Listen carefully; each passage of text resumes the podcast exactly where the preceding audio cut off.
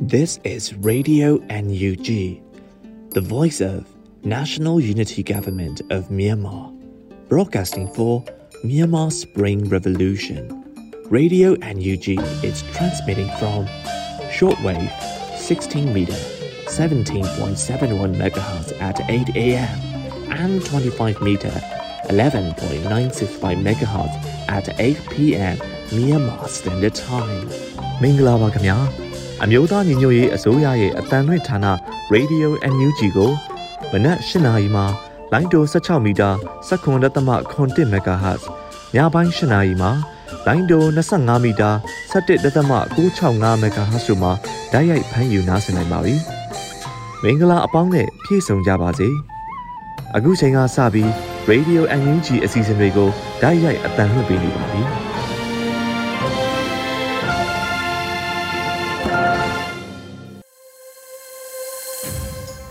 မြန်မာနိုင်ငံသူနိုင်ငံသားအပေါင်းတဘာဝဘေးစစ်အာဏာရှင်ဘေးတို့ကနေကင်းဝေးပြီးကိုစိတ်နှပါအေဂျင့်လုံခြုံကြပါစေလို့ Radio NUG ဖွဲ့သူဖွဲ့သားများကနှုတ်ခွန်းဆက်တာအပ်ပါတယ်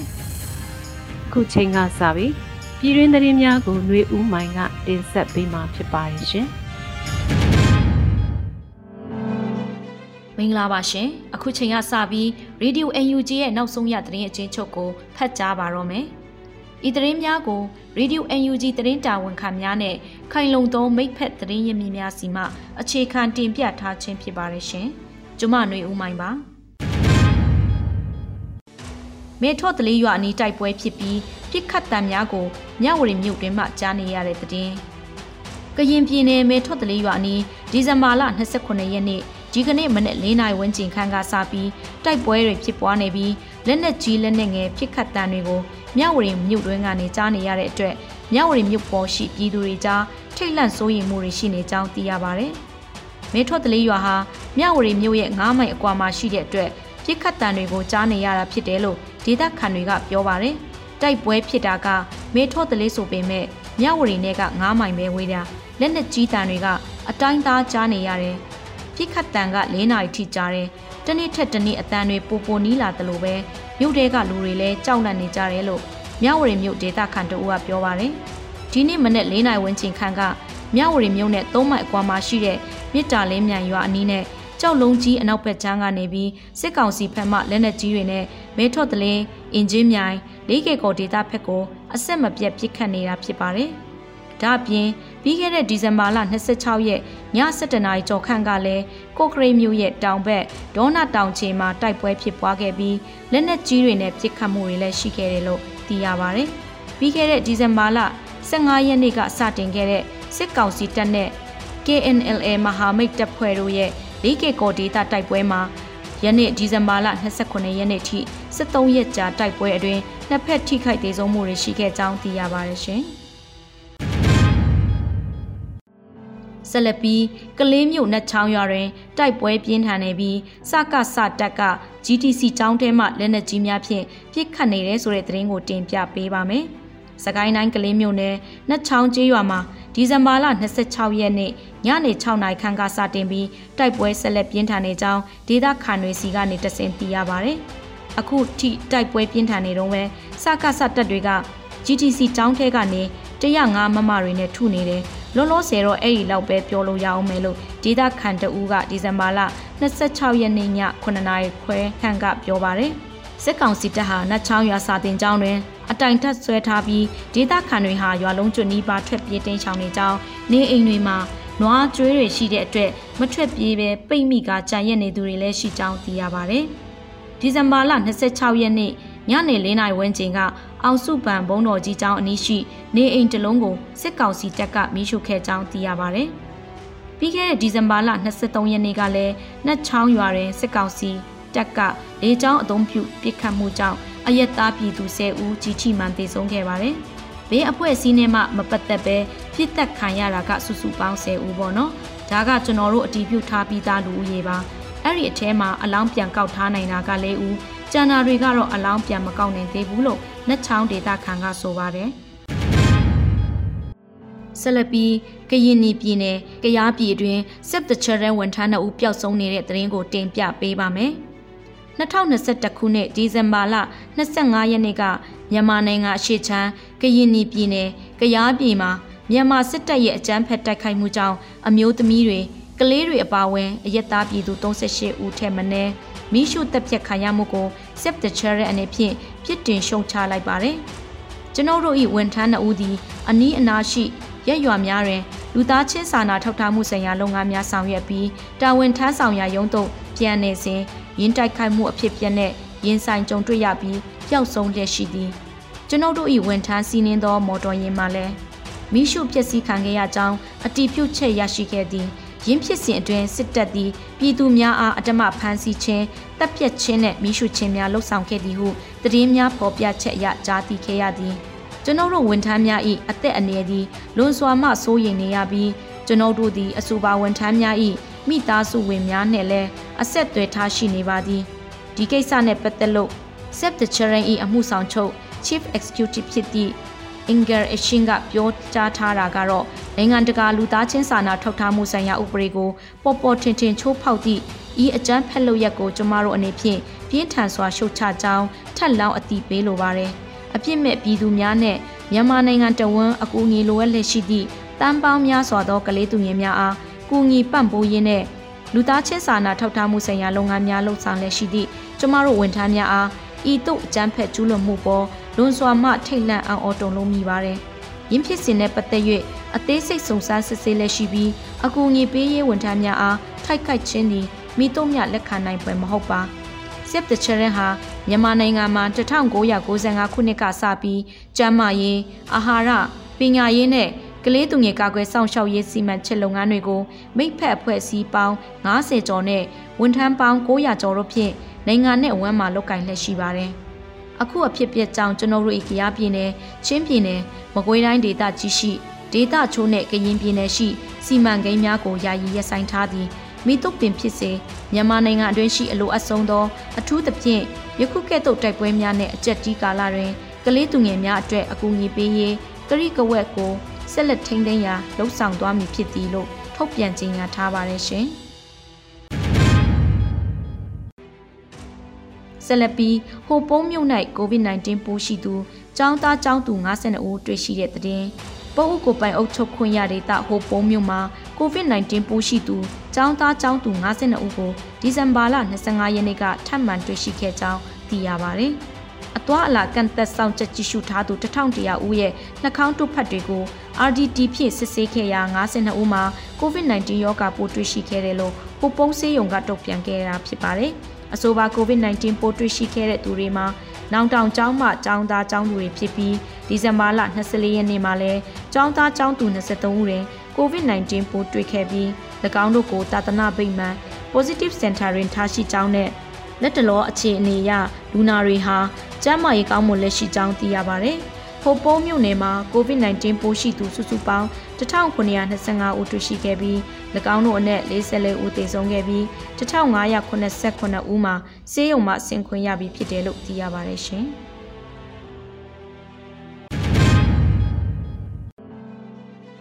နတ်ချောင်းရွာတွင်စစ်ကောင်စီတပ်ကပြစ်တက်ထားသူအလုံးမှာအယက်သားပြည်သူများဖြစ်နေတဲ့ဆိုတဲ့သတင်းကိုဆက်လက်တင်ပြပေးချင်ပါတယ်။ကလေးမြို့နယ်နဲ့ချောင်းရွာကိုစစ်ကောင်စီတပ်ကဒီဇင်ဘာလ23ရက်နေ့ကစတင်ပြီးရဟတ်ရင်နဲ့ပြစ်ခတ်စီးနင်းထားပြီးဒေသခံပြည်သူတွေကို ပြစ်ခတ်တပ်ဖြတ်ခဲ့တာ10ဦးကျော်လာပြီဖြစ်ကြောင်းပြန်လည်တွေ့ရှိရတဲ့အလောင်းတွေကတည်တည်ခါနေပါတယ်။၎င်းတို့ပြစ်တက်ထားတဲ့ပြည်သူအလောင်းတွေထဲကအချို့ကိုဒေသခံနဲ့ပြည်သူ့ကာကွယ်တပ်ဖွဲ့တွေကတင်စီနိုင်ပြီးဖြစ်ပေမဲ့လည်းကြံအလောင်းတွေမှာနေအိမ်တွေနဲ့လမ်းမတွေပေါ်မှာမူလအတိုင်းရှိနေဆဲဖြစ်ကြောင်း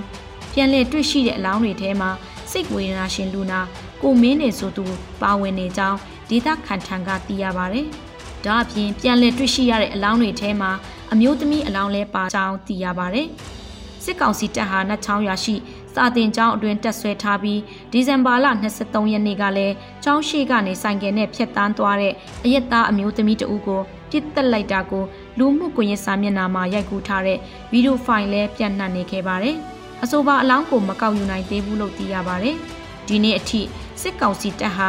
စာတင်ကျောင်းမှာတက်ဆွဲထားပြီး၎င်းတို့မတင်ကားသောသူဆိုတဲ့ခေါင်းစဉ်အောက်မှာ ပြစ်ခတ်တက်ဖြတ်မှုတွေပြုလုပ်လက်ရှိရာ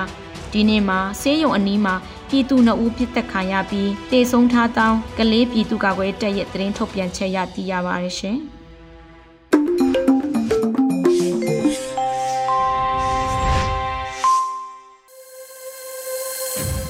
Radio NUG ကိုနားဆင်နေကြရတာပါရှင်။ဆက်လက်ပြီးတော်လန်ကြီးကြပြကဏ္ဍမှာຫນွေဥဘူစေးတရဲ့လောင်တိုက်ဆိုတဲ့ကြပြလေးကို နားဆင်ခံစားကြည့်ပါရှင်။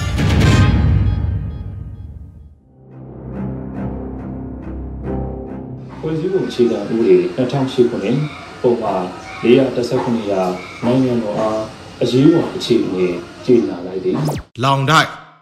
ဒီနေ့အရှိတ်ကောင်းကင်လောကရက်တစ်ခွင်လုံးညိုမှိုင်းနေလေရဲ့ပူဆွေးနေတဲ့မျက်ရည်ဇက်တွေဟာပြိုဆင်းလာတဲ့မိုးရည်ဇက်တွေနဲ့အတူငါတို့ရဲ့ရင်ဘတ်ထဲ နေရာယူရင်းပါတီစုဒီမိုကရေစီအချိန်ထဲမှာရွေးကောက်ပွဲကိုအ내ရောင်ဝိယုံပိုင်ရှင်ရဲ့အတန်ကအရှက်ကျိုးပြက်နေတဲ့ငှက်ဆိုးထိုးတယ်လို့လူပါဝါလို့အာနာတခိုးဓမြတွေပဲရက်တီနေလေရဲ့မတရားသဖြင့်အဆုံးဖြတ်ကိုအပြုံးမပြတ်တုံ့ပြန်လိုက်တာကကျွန်တော်တို့ရဲ့ညင်မြတ်တဲ့ငွေ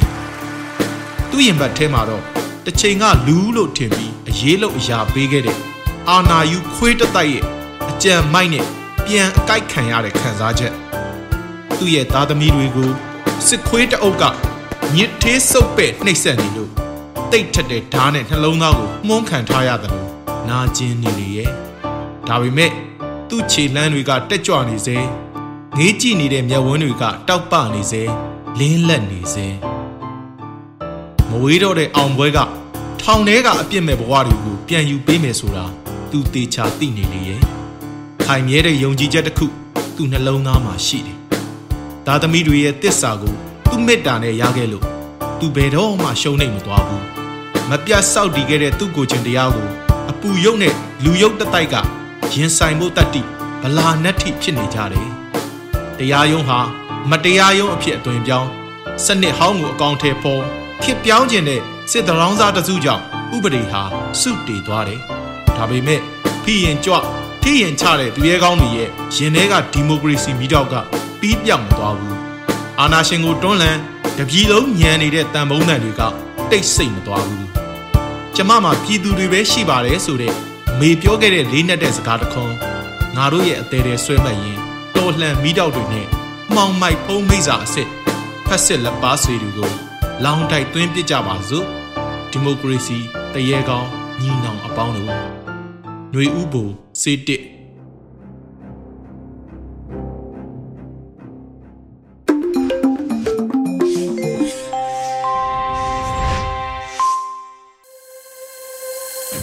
ရေဒီယို NUG မှဆက်လက်အတန်းလွှင့်နေပါတယ်။ခုဆက်လက်ပြီးဒေါက်တာဖြိုးတီဟတင်ဆက်ထားတဲ့ကာကွယ်ရေးဝန်ကြီးဌာနရန်မုံငွေအတွက် PRF မြန်မာဖိတ်ခေါ်ချက်အစီအစဉ်ကိုနားဆင်ကြရပါမယ်ရှင်။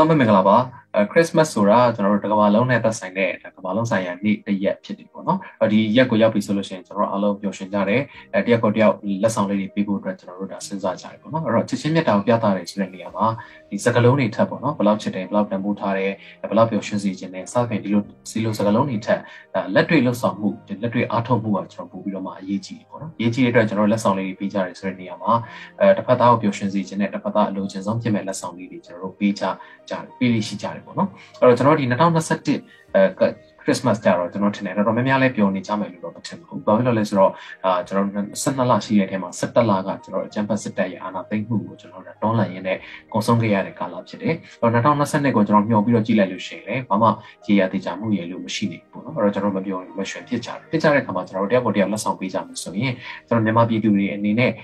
အလိုချင်ဆုံးအလိုအဆုံးဖြစ်မဲ့လက်ဆောင်ကဘာလဲဆိုရင်တော့ကျွန်တော်ဒီຫນွေဥတုံလိုက်ရဲ့အမြန်ဆုံးအောင်မြင်သွားဖို့ဖြစ်တယ်ပေါ့နော်။ဒီလိုအောင်မြင်သွားမှသာကျွန်တော်ကွဲကွာနေတဲ့မိသားစုတွေပြန်ပြီးတော့ဆုံးသွားမယ်။ကျွန်တော်ကလေးတွေ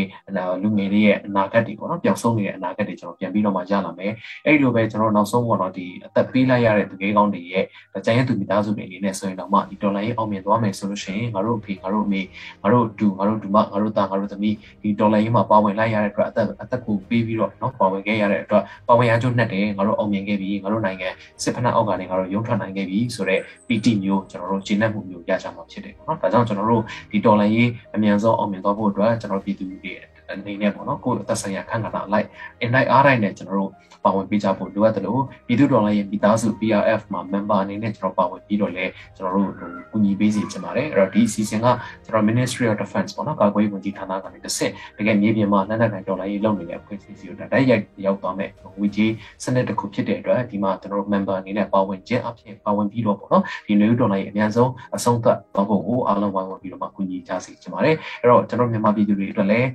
ဒီပျော်စရာမကောင်းတဲ့ Christmas ကာလနော် Happy ဖြစ်တဲ့ New Year ဒီဒီတဲ့နောက်ဆုံးဖြစ်ပါစေလို့လည်းကျွန်တော်အနေနဲ့ဆုတောင်းပေးချင်ပါတယ်ကျေးဇူးထူးပဲတင်ပါတယ်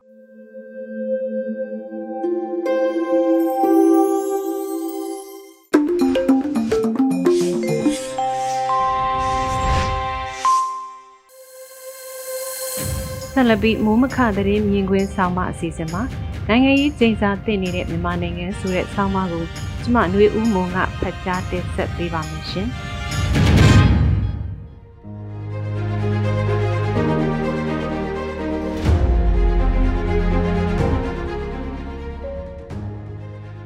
နိုင်ငံရေးကျင်းစာတင်နေတဲ့မြန်မာနိုင်ငံကျင်းစာဆိုတဲ့စကားလုံးဟာဘာသာရေးနဲ့ယုံကြည်ကိုးကွယ်မှုဆိုင်ရာအယူအဆတစ်ခုဖြစ်ပါတယ်။ ပစ္စုပန်ကာလမှာအားမနိုင်လို့မန်လျှော့လိုက်ရတဲ့အခြေအနေကြောင့်တစ်ချိန်ချိန်ဘဝတစ်ခုခုမှာပြန်လည်အနိုင်ရဖို့တိုင်တဲခြင်းနောက်အတိတ်ပဲဖွင့်ဆိုမှုတစ်ခုကတော့အခုလိုမတရားအနိုင်ယူလိုက်လို့ခံစားရသူကဒီအမှုကိုပြုသူအနေနဲ့သူအခုခံစားရတယ်လို့တစ်ချိန်ချိန်မှာပြန်လည်ခံစားရပါစေလို့တိုင်တဲတဲ့အတိတ်ပဲလည်းဖြစ်ပါတယ်။ကျိန်စာဆိုတာဘရေဒရစ်ခရဲ့ပုံရိပ်တွေလည်းဖြစ်ပါတယ်။ အာနာရှိသူကအာနာအရှိန်ပြေဝနေစမှာတရားချင်းမတရားချင်းတွေအပေါ်အခြေမခံပဲအာနာအင်းအားနဲ့အနိုင်ကျင့်တဲ့အခါခံရသူကဘဝဆက်ဆက်မှာလက်စားချေဖို့အနိုင်ရဖို့တိုင်တဲခြင်းသဘောလည်းဖြစ်ပါတယ်။နိုင်ငံရေးနယ်ပယ်မှာတော့ကျိန်စာဆိုတဲ့စကားလုံးကိုတယံဇာတကျိန်စာစတဲ့အတုံးအနှုံမျိုးမှာသုံးနှုံးလေးရှိပါတယ်။ တယံဇာတကျွဲဝခြင်းကကောင်းကျိုးဖြစ်ရမယ့်အစားတယံဇာတကိုမျှတစွာခွဲဝေခြင်းမပြုကြတာကြောင့်ပြိပခဖြစ်ပွားပြီးသေကျေပျက်စီးကြရတဲ့အခြေအနေမျိုးကိုတယံဇာတကျိန်စာလို့တင်စားကြပါတယ်။မြမနိုင်ငံရေးမှာလဲကိုလိုနီခေတ်အမွေဆိုးရဲ့ကျိန်စာလူမျိုးစုအရေးနဲ့ဆိုင်တဲ့ကျိန်စာနိုင်ငံရေးအယူဝါဒကျိန်စာစစ်အာဏာရှင်စနစ်ကျိန်စာစသဖြင့် အရင်အရင်အမွေတွေကိုစက်ခံတဲ့နိုင်ငံရေးအစဉ်အလာတွေရဲ့အကျိုးဆက်ကျိန်စာတွေတင့်နေသလားလို့တွေးဆစရာတွေဖြစ်နေတဲ့အခြေအနေမျိုးပါ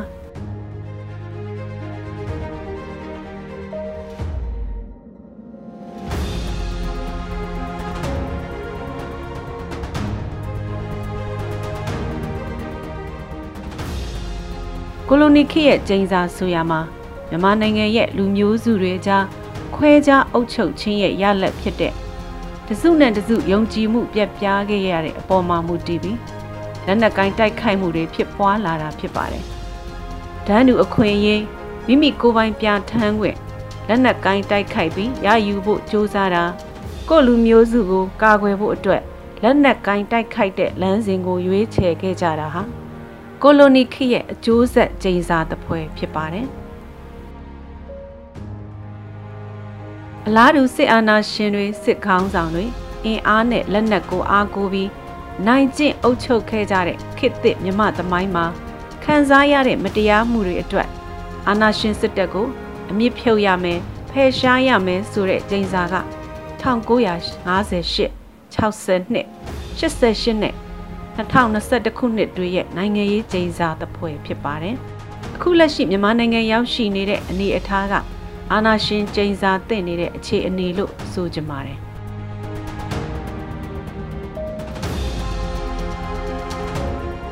ဆယ်စုနှစ်ခုနှစ်ခုကျော်ကြာရှည်ခဲ့တဲ့ပြည်တွင်းစစ်မီးကပို့အရှိန်ကြီးကြီးတောက်လောင်လာနေတဲ့အခြေအနေဟာစစ်အာဏာရှင်ကျိန်စာတင့်နေတဲ့မြန်မာနိုင်ငံလို့ဆိုရမှာဖြစ်ပြီးဒီပြည်တွင်းစစ်အရှိန်ကနေဘလို့ထွက်ပေါက်မျိုးနဲ့ထွက်နိုင်မလဲသို့မဟုတ်ထပ်ပြီးနှက်ဆိုင်တဲ့ပြိပခါစီ ကြစင်မလားဆိုတာတော့တိတိပပဘသူမှမပြောနိုင်သေးတဲ့အခြေအနေဖြစ်ပါတယ်ဒီနေ့သတင်းတွေမှာတော့ကြရားပြည်နယ်ဖရူဆိုမြို့နယ်တွေကမျိုးသမီးနဲ့ကလေးငယ်တွေအပါအဝင်အရက်သားတွေကိုစစ်ကောင်စီတပ်တွေကတပ်ဖြတ်မီးရှို့ခဲ့တဲ့ဖြစ်ရမှာနိုင်ငံတကာ NGO ဖြစ်တဲ့ Save the Children အဖွဲ့ကအခြေခံဝန်ထမ်း2ဦးပါအသက်ဆုံးရှုံးခဲ့ရတယ်လို့ သတင်းအချက်အလက်တွေအရကောက်ချက်ချရပါတယ်။ Save the Children ကကရားပြည်နယ်နဲ့ချင်းပြည်နယ်မှာသူတို့ရဲ့အကူအညီပေးနေတဲ့လုပ်ငန်းတွေကိုရပ်ဆိုင်းလိုက်ဖို့ဆုံးဖြတ်လိုက်ပါတယ်။အခုဖြစ်ရဟာ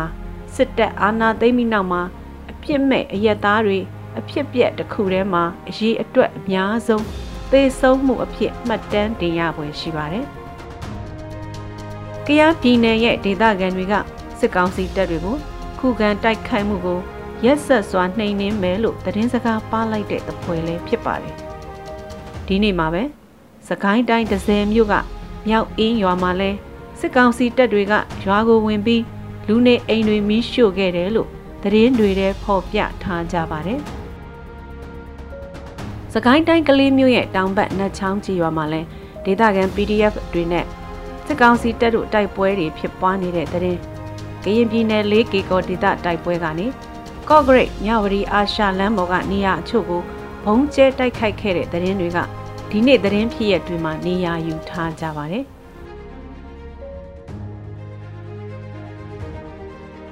ရန်ကုန်မြို့မှာတော့နေ့စဉ်လိုလိုဘုံပေါက်ကွဲမှုကတနေရာမဟုတ်တနေရာမှာဖြစ်ပွားလေရှိပြီးဒီနေ့အဖို့တော့မနက်ပိုင်းကသင်္ကန်းကျွန်းမြို့နယ်သူဝနာဘက်မှာပောက်ကွဲမှုတစ်ခုဖြစ်ပွားခဲ့တယ်လို့သိရပါတယ်။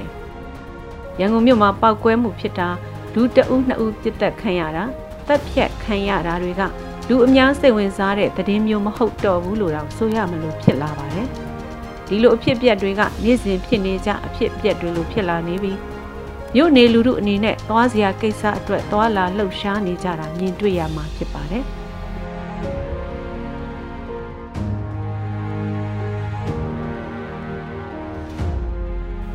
တကယ်တော့မြို့ပြကသူတွေရဲ့အခြေအနေထက်တိုက်ပွဲဖြစ်ပွားတဲ့ဒေသတွေဖြစ်တဲ့စကိုင်းတိုင်း၊ကယားပြည်နယ်၊ချင်းပြည်နယ်၊ကချင်ပြည်နယ်နဲ့ကရင်ပြည်နယ်တို့ကကျေးရွာတွေမှာနေထိုင်သူတွေရဲ့အခြေအနေကလုံခြုံရေးအရာပိုင်ဆိုင်မှုအသက်မွေးဝမ်းကြောင်းထိခိုက်မှုအရာအများကြီးဆိုးရွားတယ်လို့ဆိုရမှာဖြစ်ပါတယ်။ကျင်းရွာတွေနယ်တွေကစစ်ဖြစ်ပွားကြပြီဆိုရင် ပထမဆုံးစစ်တလင်းတပွဲဖြစ်ခံရပြီးနေအိမ်တွေကိုမီးရှို့တာစိုက်ပျိုးမွေးမြူရေးလုပ်ငန်းသုံးကျွဲနွားတွေသေဆုံးတပ်ဖြတ်ခံရတာတွေနဲ့ဘဝကိုအစကပြန်ဆရမယ့်အနေအထားမျိုးကိုရင်ဆိုင်ကြရတာဖြစ်ပါတယ်ရှင်။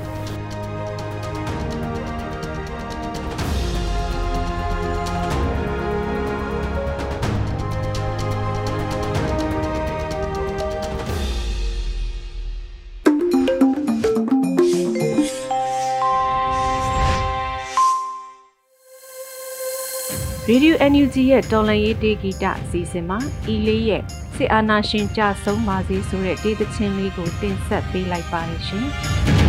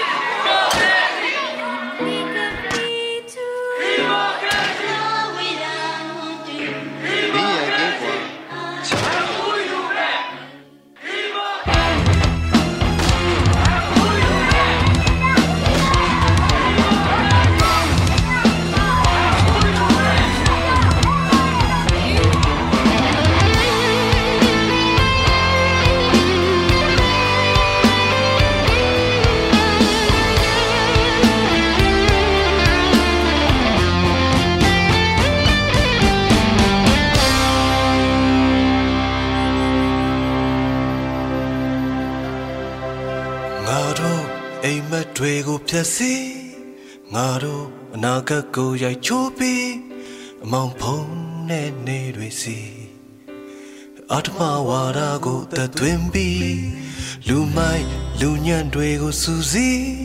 လူကောင်းသူကောင်းတွေညွန်ချိုးပြီးကြောင်ပြချက်တွေနဲ့မူသားများစွာနဲ့မိန်ကွန်းချီငါတို့လုံးဝလက်မခံဘူး မျိုးလုံးဝသဘောမတူဘူးအာနာရှင်ကြဆုံးပါစေအာနာရှင်ကြဆုံးကိုရှင်အာရုံ